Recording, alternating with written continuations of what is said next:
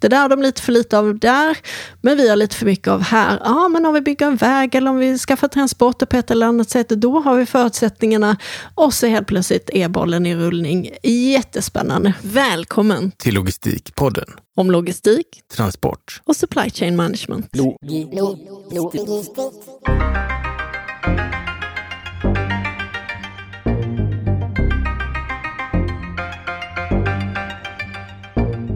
Varmt välkommen till Logistikpodden Magasin. Det är dags för vårt majavsnitt och solen lyser, träden blommar och våren är i luften. Vi har varit på Catenas konferens Logistiktrender. Nina har till och med pratat där. Eh, vad var våra största takeaways från den här otroligt väl arrangerade och intressanta konferensen? Ja, det kommer du få höra mer om i dagens avsnitt. Dessutom kommer jag att prata om en annan intressant konferens jag var på, eh, plankonferensen, och en prestation om hur svenska företag har antingen flyttat hem eller inte flyttat hem sin produktion eh, efter covid-19. Välkommen till Logistikpodden Magasin.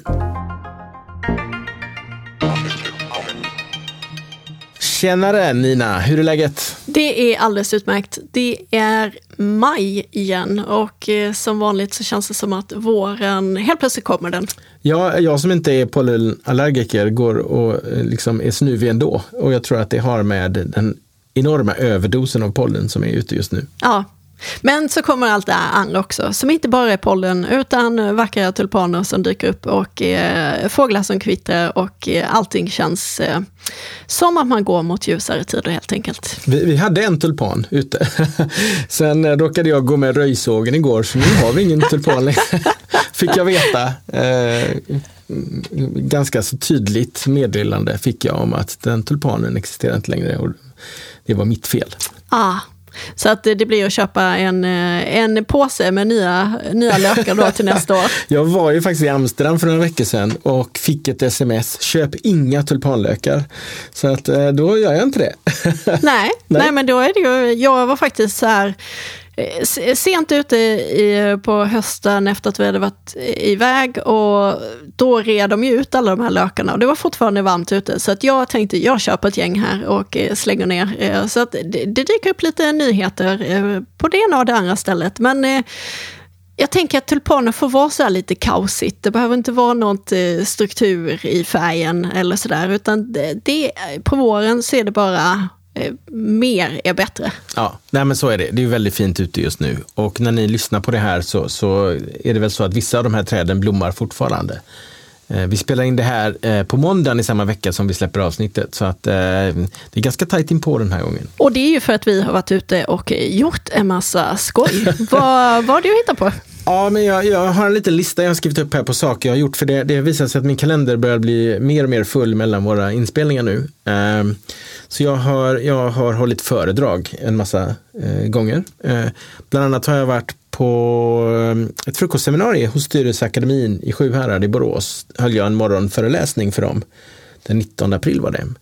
Eh, och eh, jag höll i princip samma föreläsning kan man väl säga eh, häromdagen hos Skeppsmäklarföreningen på deras årsmöte.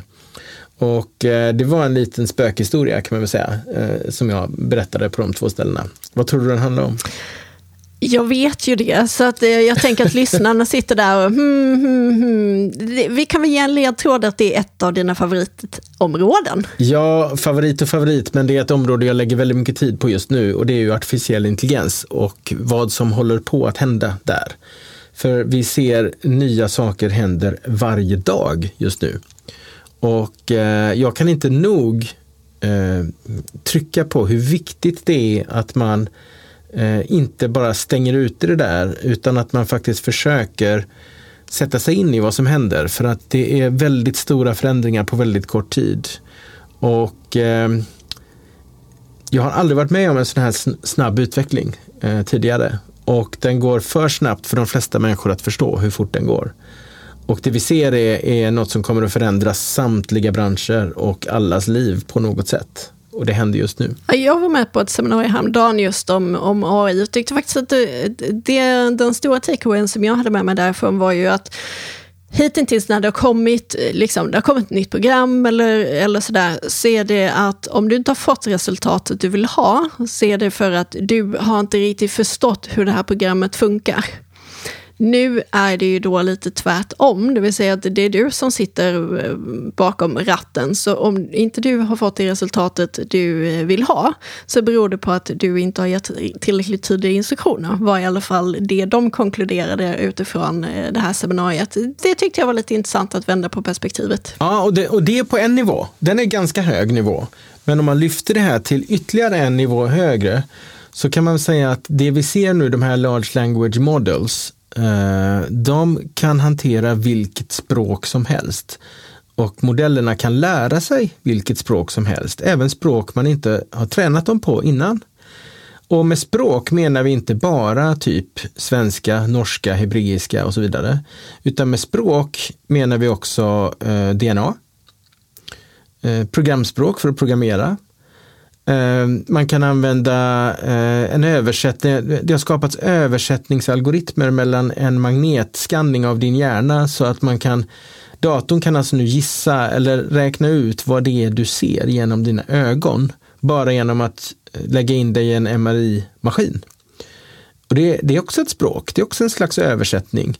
Den här modellen, eh, de här modellerna de håller på att bli så universella att de kan i princip lära sig att förstå vilka typer av mönster som helst. Och översätta det till någonting vi förstår. Och också översätta det i eh, handling då. För att nu börjar det dyka upp sådana här eh, tjänster där man kan ge den här, eh, den här stora modellen, språkmodellen, man kan ge den ett mission.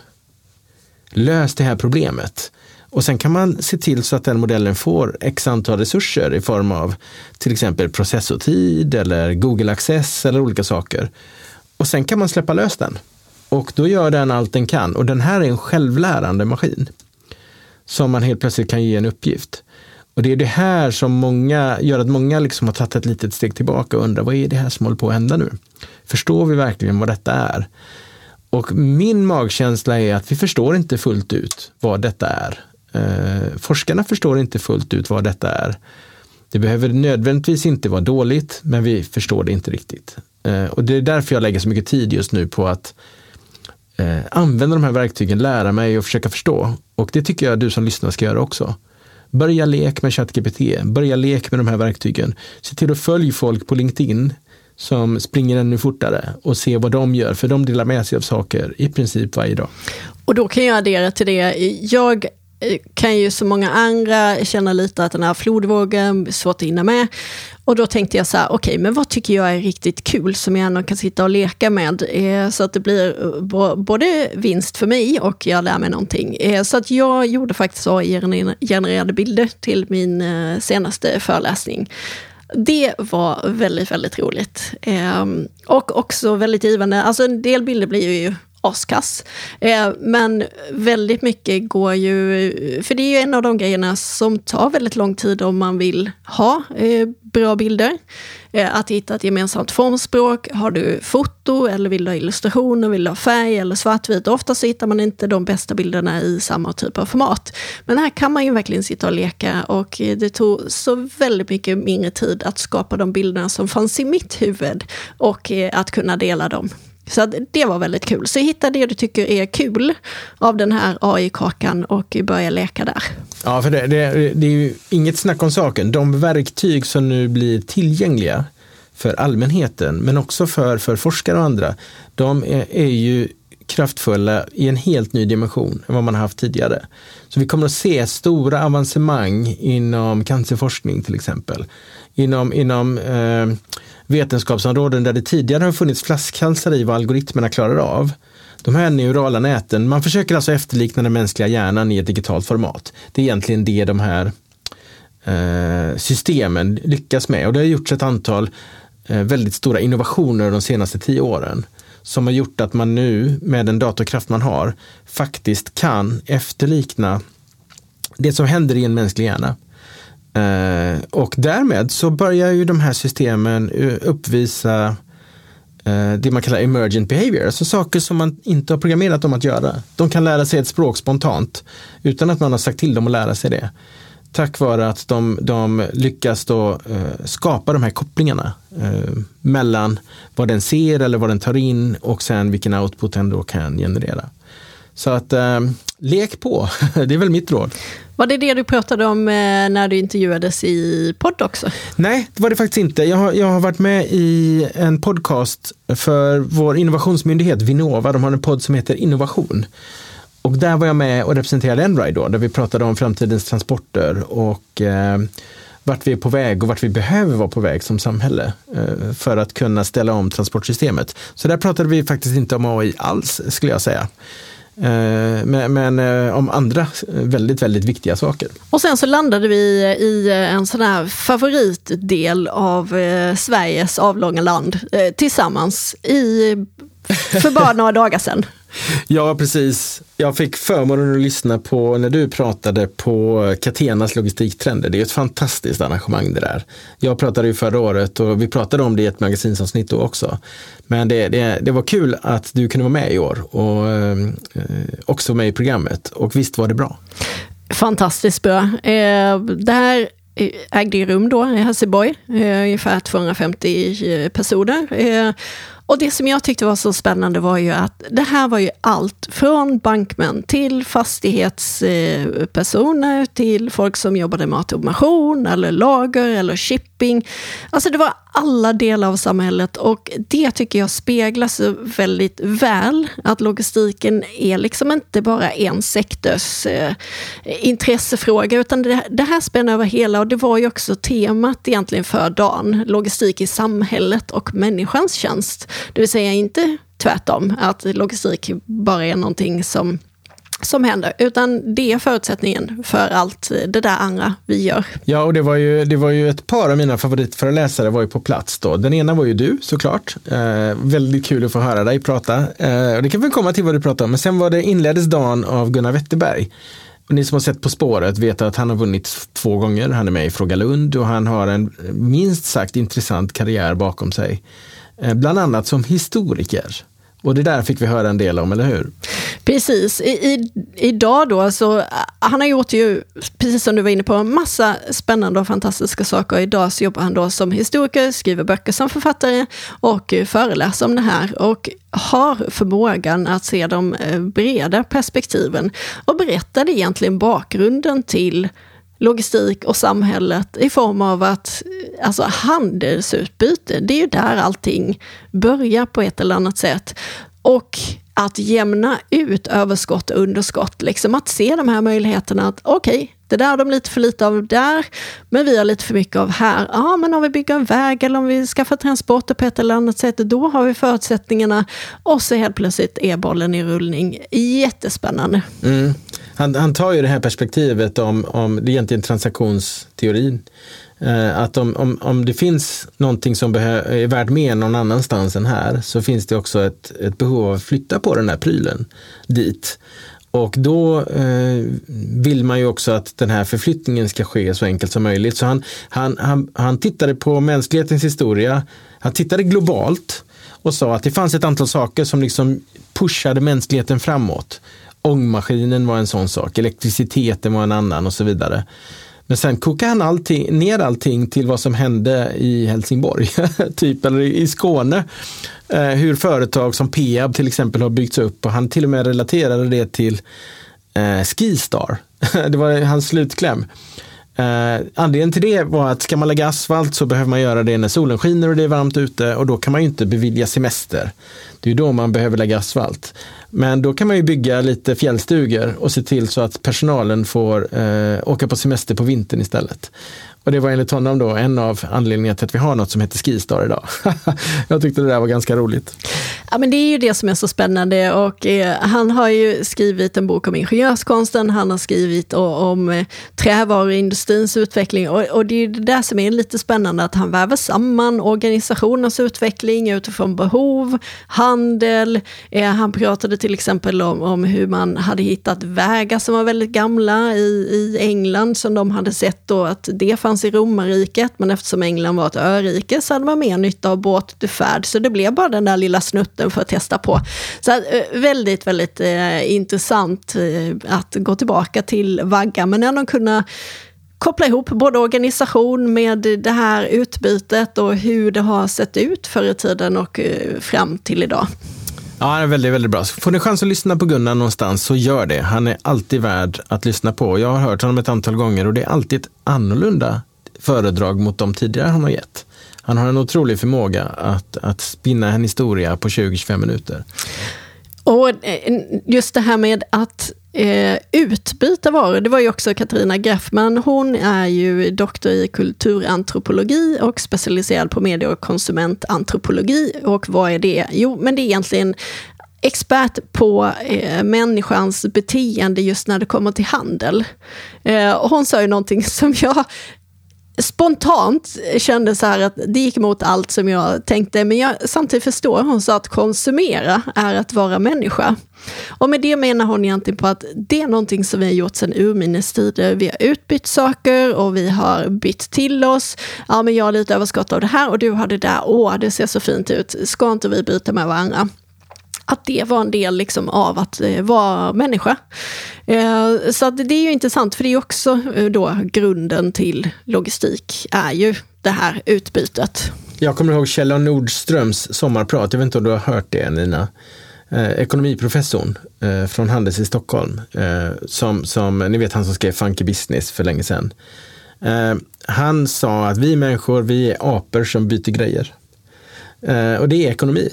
Eh, någon har något som någon annan behöver och då finns det ett värde i att byta de där sakerna för att det finns alltid något man kan betala med då.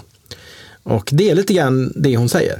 Precis, och det är det som jag tycker är intressant. För om man kokar ner den här logistiksoppan till en, en redning så är det ju på något sätt det i grunden. Alltså det är det mänskliga beteendet, det är utbytet av varor och eh, det finns liksom nedärvt i oss. Ehm, och det kan vara lite värt att fundera på när man just tittar på ett logistikflöde. Att bara, vad är grunden till det här? Eh, kan också sätta lite nya perspektiv på det. Mm. Eh, eh, ett nytt perspektiv som jag fick, eh, och det blev ganska tyst i lokalen då, det var när Anders Pedersen från ehm, Röda Korset, han är international director på Röda Korset, berättade om de otroligt påtagliga och praktiska problem som hans organisation och andra också humanitära organisationer råkar ut för. I det här fallet i Afrika då. Eh, det var väldigt gripande det han berättade om. Och där har vi också, vi, vi har ju intervjuat eh, Jöngi Kovacs till exempel om eh, det här med logistik i samband med humanitära insatser. Och det här kan man ju se också var, var en fortsättning på, det en, en aktuell nyhetsbild av hur det ser ut. Det som jag tyckte jag lärde mig av det är ju just det här med handel och att vi nu är globala, det vill säga att situationen i Ryssland och Ukraina har nu drabbat 280 miljoner människor i Afrika som svälter därför att Ryssland och Ukraina är väldigt stora eh, spannmålsodlare. Och när den källan till mat har stängts ner eh, så har det också påverkat långt utanför deras gränser. Eh, och det här är ju intressant och han pratade också om just eh, ibland svårigheterna att, att röra sig över gränser. Ibland är det organisatoriska gränser, ibland är det fysiska landsgränser. Eh, och jag kan lite fascineras över det. Man har ju erfarenhet från det själv också. Men just att gränserna är ju egentligen bara någonting som vi människor har hittat på. Och ändå så ska det vara så jäkla svårt ibland att liksom samverka i en kedja som inte är de enskilda länkarna utan som verkligen är helheten. Mm. Ja, han hade massa eh, mer eller mindre galna exempel på det där också. Det var väldigt, väldigt eh, eh man förstår att, att när, när, vi då här, eh, när vårt värsta problem är att vår matkasse kommer tio minuter för sent, så finns det en helt annan dimension på andra ställen än på planeten. Ja. Där man ju haft torka då i fem cykler, alltså där man normalt sett får, får regn och nu har man haft torka fem, fem instanser, fem ja, fem cykler i rad helt enkelt. Eh, det skapar ju helt andra konsekvenser, precis som du säger. Eh, sen var det en, en, en eh, till efternamnet en namn, men jag tror inte de är släkt, Andreas Anderholm Pedersen från Giab. Precis, och det är ju godsinlösen då. Så att det de gör är ju att eh, framförallt för försäkringsbolag helt enkelt se till att produkter som har gått i sönder på ett eller annat sätt blir lagade och tillbakasända. Med hela tanken om att man inte ska använda nya resurser hela tiden. Och det som han skickade med som jag tyckte var väldigt spännande är ju att ofta så, så pratas det ju om transporter som det svarta fåret på något sätt, men han menade på att eh, alltså, eh, Nya rön har sagt att 50-70% av klimatutsläppen idag härrör till att man plockar upp nya resurser ur marken. Så att produktion är mycket mer resurskrävande än transporter. Så om en, en produkt kan återfå sitt värde eller användas vidare eh, så kan man faktiskt transportera den relativt långt och ändå hamna positivt ur ett eh, klimatperspektiv. Ja, det där är ju ett, ett eh, budskap som vi har hört från flera som vi har intervjuat här i podden tidigare och som du också tog upp när du höll ditt eh, föredrag. Det vill säga, om man väl plockat upp något ska man ju se till att klämma ur så mycket som, eh, som möjligt innan man plockar upp något nytt. Precis, och det kan ju kännas så här, ja, men svårt och krångligt för att vi är lite ovana, men det finns hur mycket bra exempel som helst tycker jag och eh, tänker att vi kanske får höra en del av dem också här i podden framöver. Eh, när man börjar eh, se produkter som någonting väldigt värdefullt istället för att ah, men nu är jag färdig med det här, jag behöver inte det här längre, då slänger jag bort det. Eh, om man istället ser så, ah, vad skulle jag kunna använda den här till? Då börjar kreativiteten komma igång. Men samtidigt så menar ju då Andreas på att ju tidigare vi tänker så i kedjan, desto bättre blir det såklart. Och här, här, kan vi ju tipsa om vår kunskapsbooster om eh, cirkulär logistik, eh, där vi har samlat de avsnitt som vi tycker bäst beskriver det här. Eh, och där kommer vi kanske att fylla på med tiden för att det är inte sista gången vi pratar om det i, i Logistikpodden. Och, och det som ni faktiskt kopplade an till lite var ju också Lars Jensen som sen pratade som är eh, sjöfartsexpert kan man säga. Han pratade bland annat om svårigheten att beräkna klimatpåverkan eh, och vilka konsekvenser det också kan få. Eh, och det där är ju intressant och hans signal var ju samtidigt att det kanske inte är viktigt viktigaste att det blir helt korrekt, utan hitta något sätt som känns rimligt och börja och håll fast vid ett sätt så att det går att jämföra över tiden. Det är egentligen det viktigaste. Ja, det är ju det här gamla allokeringsproblemet. Om du åker, om du åker färjan till Danmark från Göteborg så är det gods på den färjan och så är det personbilar och så går du på utan att ha en bil med dig. Hur mycket av färjans emissioner ska du då belastas för som passagerare? Och det finns nästan oändligt antal sätt att räkna som alla kan vara fullt logiska som gör att du får eh, på dina axlar ett kilo CO2 eller tusen kilo CO2 för den resan. Och du kan argumentera för bägge de två scenarierna och alla däremellan. Eh, och vad han sa var ju då att, att eh, om du som företag som köper till exempel sjötransporter Eh, eh, om du då blir erbjuden en transport med en viss CO2-footprint eh, så kan du bli erbjuden eh, exakt samma fartyg, exakt samma resa av en annan operatör. För de samordnar ju sina transporter eh, med dubbelt så stort carbon footprint.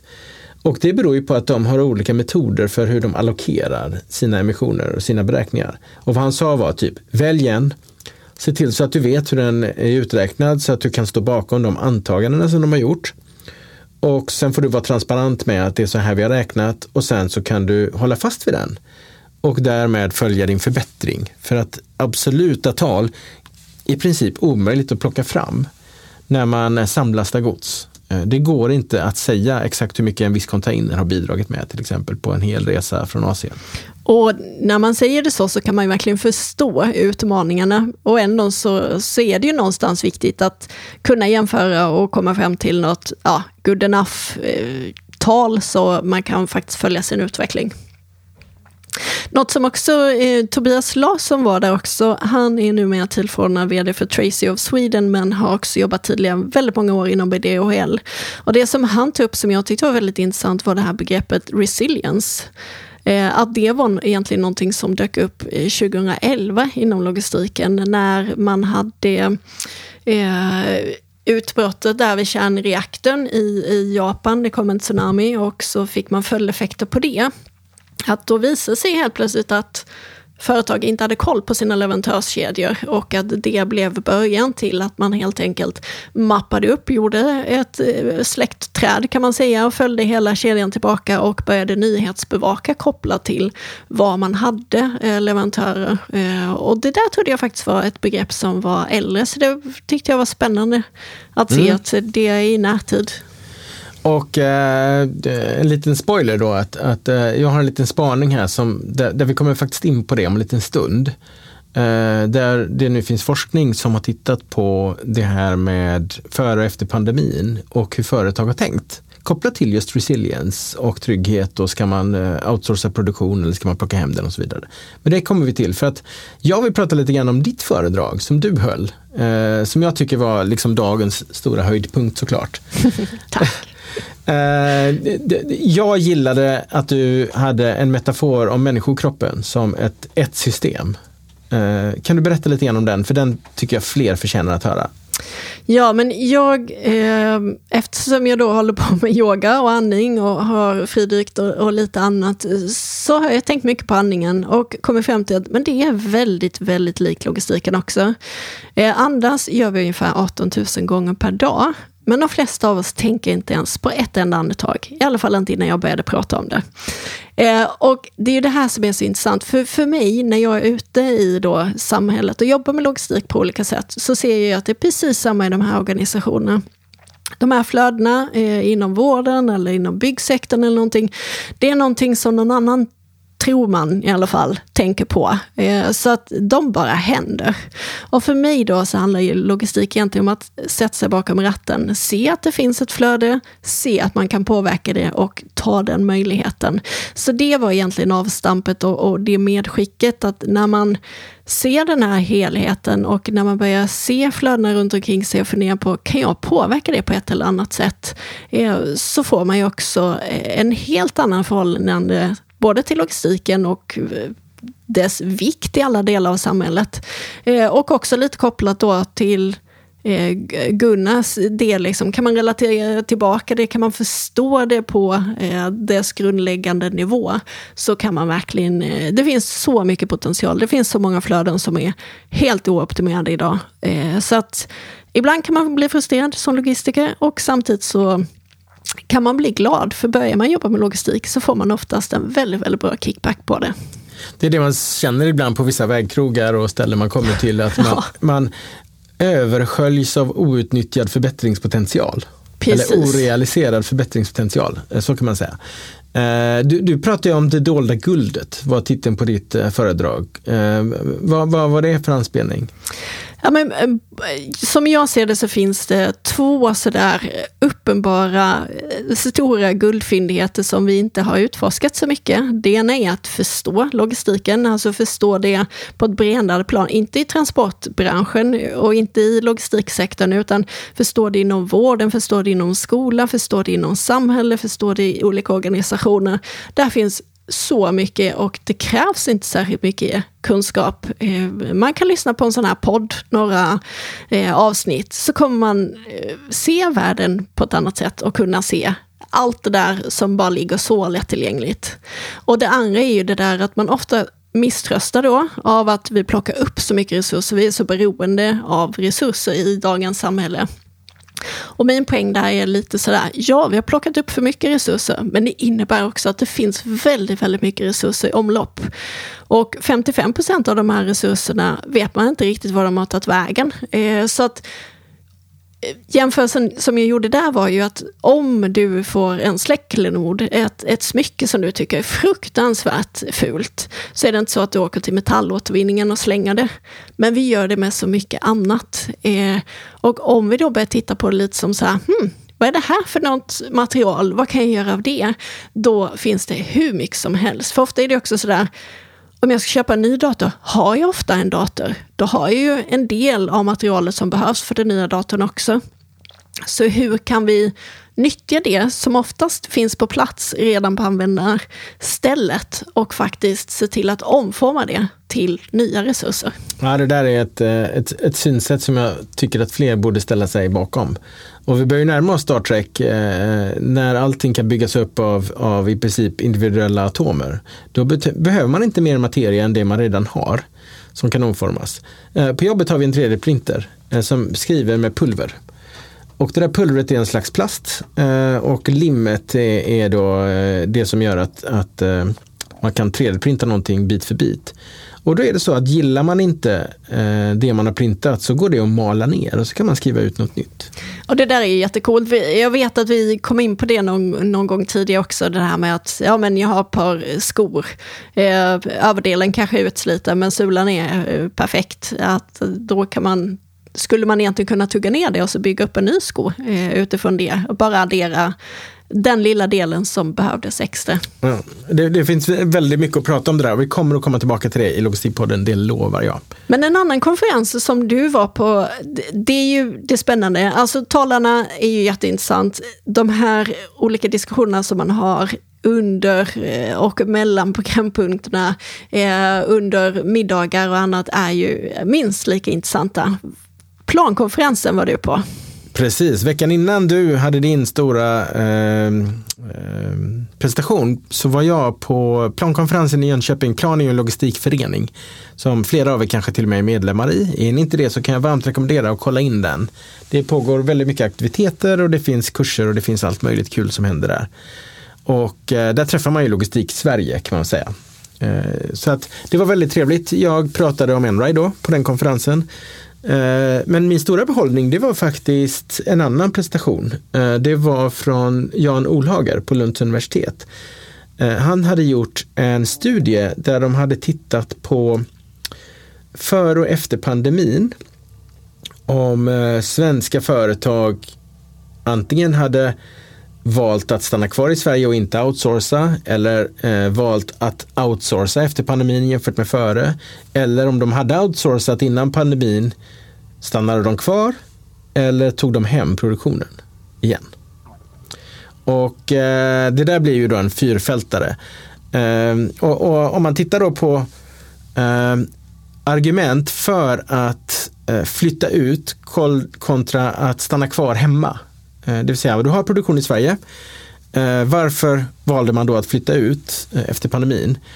Så kan man säga att de, de kioskvältarna där, det är ju lönekostnad, omöjligt att öka kapaciteten hemma, ledtid och kvalitet till exempel. Tillgång på kompetens, kunskap och sådär.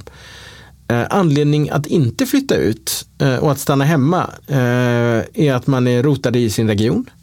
Att man är nära till kunder, att leveranstiderna skulle bli för långa, förlust av kompetens och kunskap, för hög flyttkostnad och så vidare. Det finns ett antal sådana här eh, anledningar. Och Det där är ju lite, eh, lite intressant för sen tittar man på, okej, okay, de som då före pandemin hade outsourcat sin produktion, de ställdes då inför eh, för det, det händer ju saker, det är det här resilience kommer in då. Det händer ju saker, helt plötsligt så var det svårt att få hit grejer på grund av att hamnarna var nedstängda och sådär. Vilka, eller hur många valde att, ehm, eller varför valde man att plocka hem produktionen igen? Det är en ganska stor grej att göra det.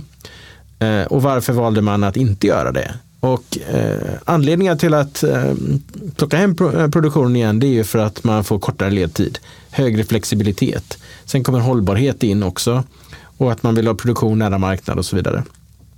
Eh, anledningen till att inte flytta hem då, det var eh, i princip inget behöver flyttas. Alltså man var nöjd med så som man hade det.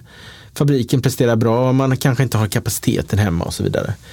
Och det här viktade de då. Eh, så att om man tar de, de tre främsta skälen. Eh, om man befann sig i Sverige innan pandemin och valde att stanna kvar i Sverige efter pandemin så var det på grund av att man var rotad i regionen, hade nära till kunder eller att man vill ha korta leveranstider. Om man hade produktion här och valde att outsourca efter pandemin så hade det huvudsakligen att göra med lönekostnad eller att man inte hade kapacitet. Eh, eller att eh, man på något sätt hade ledtids eh, Eh, ledtidsskäl. Och jag förstår inte riktigt den, för ledtiden borde bli längre om man har den borta. Men den står med som ett av eh, ett av parametrarna. Om man då istället innan pandemin hade outsourcat, hade eh, produktion eh, på andra sidan jorden till exempel. Varför plockade man då hem? Eh, och då var det absolut största skälet var ledtid. Det vill säga, det tog för lång tid och man, man, eh, man eh, blev väl för sårbar, sårbar kan man anta. Flexibilitet kommer tvåa och sen hållbarhet kommer trea där. Vilket också kan vara ganska intressant. Pratades det någonting om eh, alltså, hur hur tendenserna gick. Var det, var det många som hade valt att flytta hem eller flytta ut? Eller var, var det här mest att, att undersöka om ni skulle förändra, vad skulle ni förändra? Eller blev det handlingar också av det här? Jag vet inte om han presenterade exakt hur många, det kanske han gjorde och då missade jag det. Utan det här var framförallt eh, Eh, anledningarna till varför företag fattade de beslut de fattade. De hade tillräckligt underlag för att kunna säga någonting i alla fall om det här. Nej, men det är jätteintressant i sig, så att det, jag blev mest lite nyfiken på, alltså, precis som du säger, när leveranserna uteblev så kan jag tänka mig att man fick lite den här eh, paniken och tänka vi flyttar hem allting. Och så är man lite snabb på det. Så det, det var egentligen mest det som jag var lite nyfiken på. Om man tittar på varför företag valde att flytta tillbaka produktionen till Sverige. Eh, så, så jämförde de då, de gjorde samma studie 2010-2015 och sen 2020-2022, det, det intervallet. Och då kan man se då, okej, okay, var det samma skäl att flytta hem produktionen då som nu? Och det visade sig att det fanns ett antal faktorer som nu väger tyngre, som inte vägde lika tungt då för, för åtta år sedan. Eh, och av dem då så är den, den eh, tyngsta är ledtid. Eh, men också logistikkostnad, att man vill vara nära marknaden. Eh, riskhantering kommer ganska högt upp också.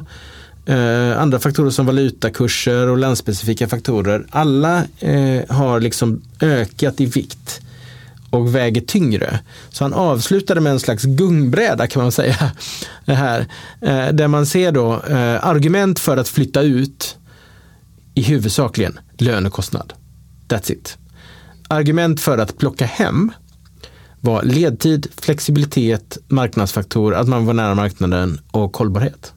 Och den sidan börjar då tippa över Eh, och väga lite tyngre än det här argumentet lönekostnad som finns på andra sidan. Det där tyckte jag var lite intressant. Och det var kul att få se forskning som visar på eh, det många tror jag har känt. Att företag har omvärderat sin outsourcing-strategi under pandemin.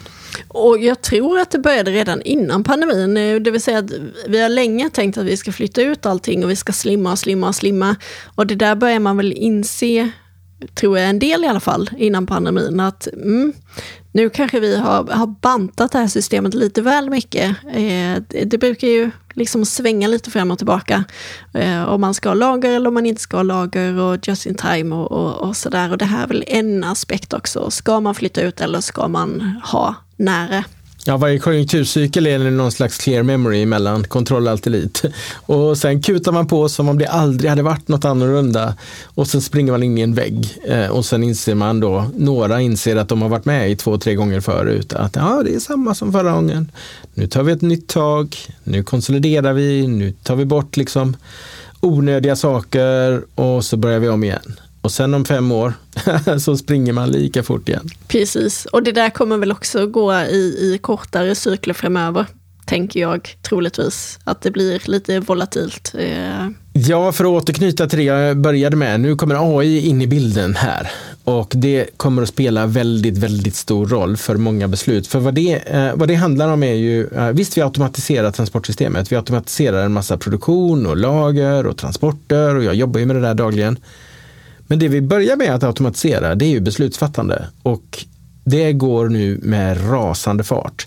Vi kommer att kunna fatta informerade beslut väldigt, väldigt snabbt. Vad händer då i de här systemen som har en väldigt stark fysisk komponent fortfarande? Och samtidigt så har vi ett beslutsfattande som blir mer och mer informerat, snabbare och snabbare och mer och mer säkert också. Eh, det här är någonting som vi kommer att behöva återkomma till tror jag. För att eh, vi kommer att se tecken på det här eh, lite varstans under bara det kommande året, tror jag.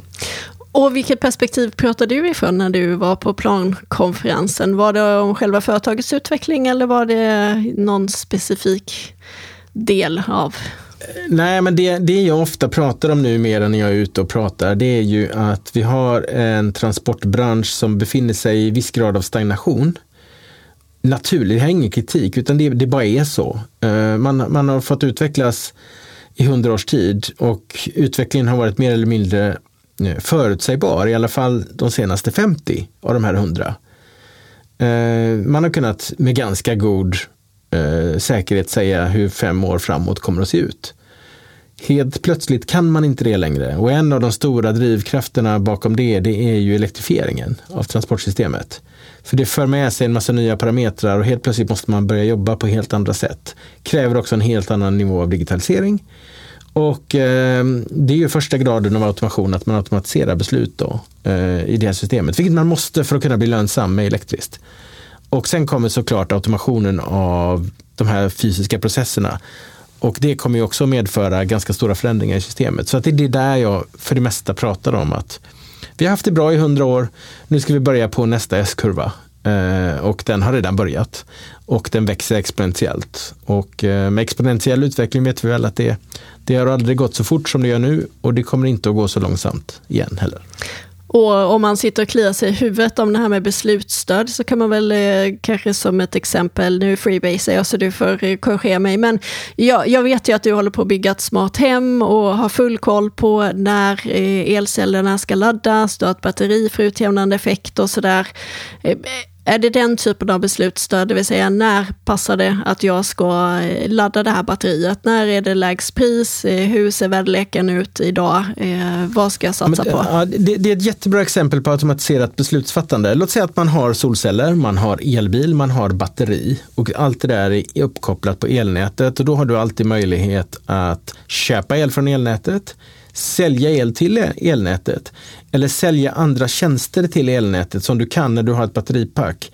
För det är så att när, när nätfrekvensen avviker för mycket från 50 Hz så behöver man snabbt sätta in, det vill säga att en reaktor får panikstoppas någonstans eller det slutar helt plötsligt blåsa eller solen går i moln och man förlitar sig för mycket på solceller. Då behöver man snabbt fylla på för att frekvensen inte ska gå ner för långt eller gå upp för högt.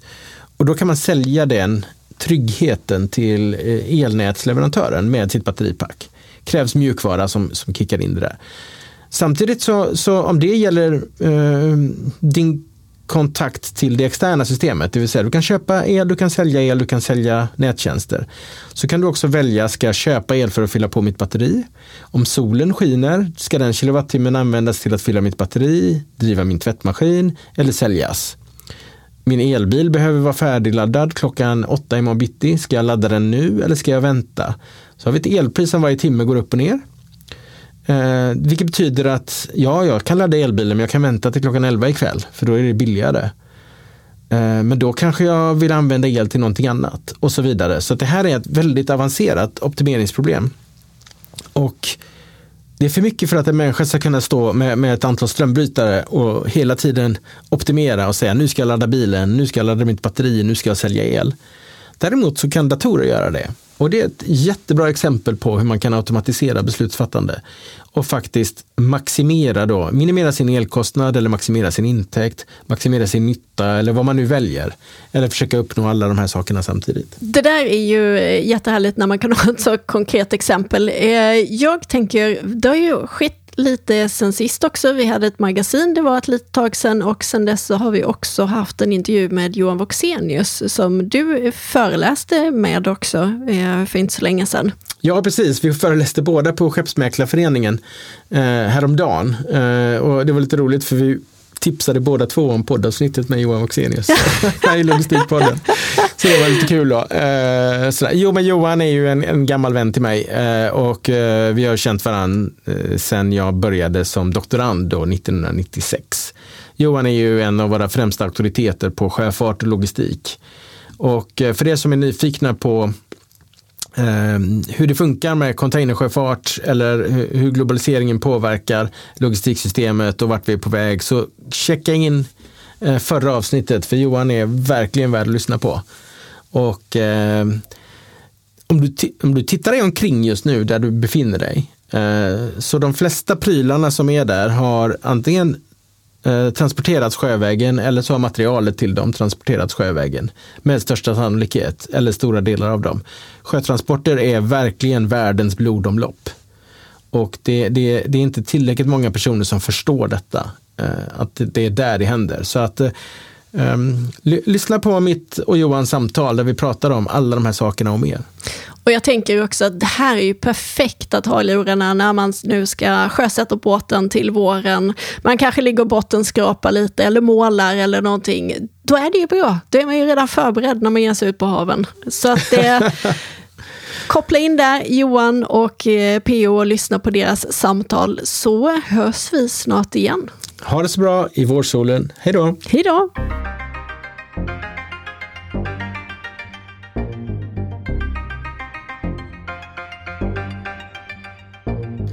Varmt tack för att du har valt att lyssna på Logistikpodden. Vad tyckte du om det här avsnittet? Följ oss på LinkedIn. Där kan du också gå in och kommentera och diskutera vidare med andra logistikintresserade personer. Så missa inte det.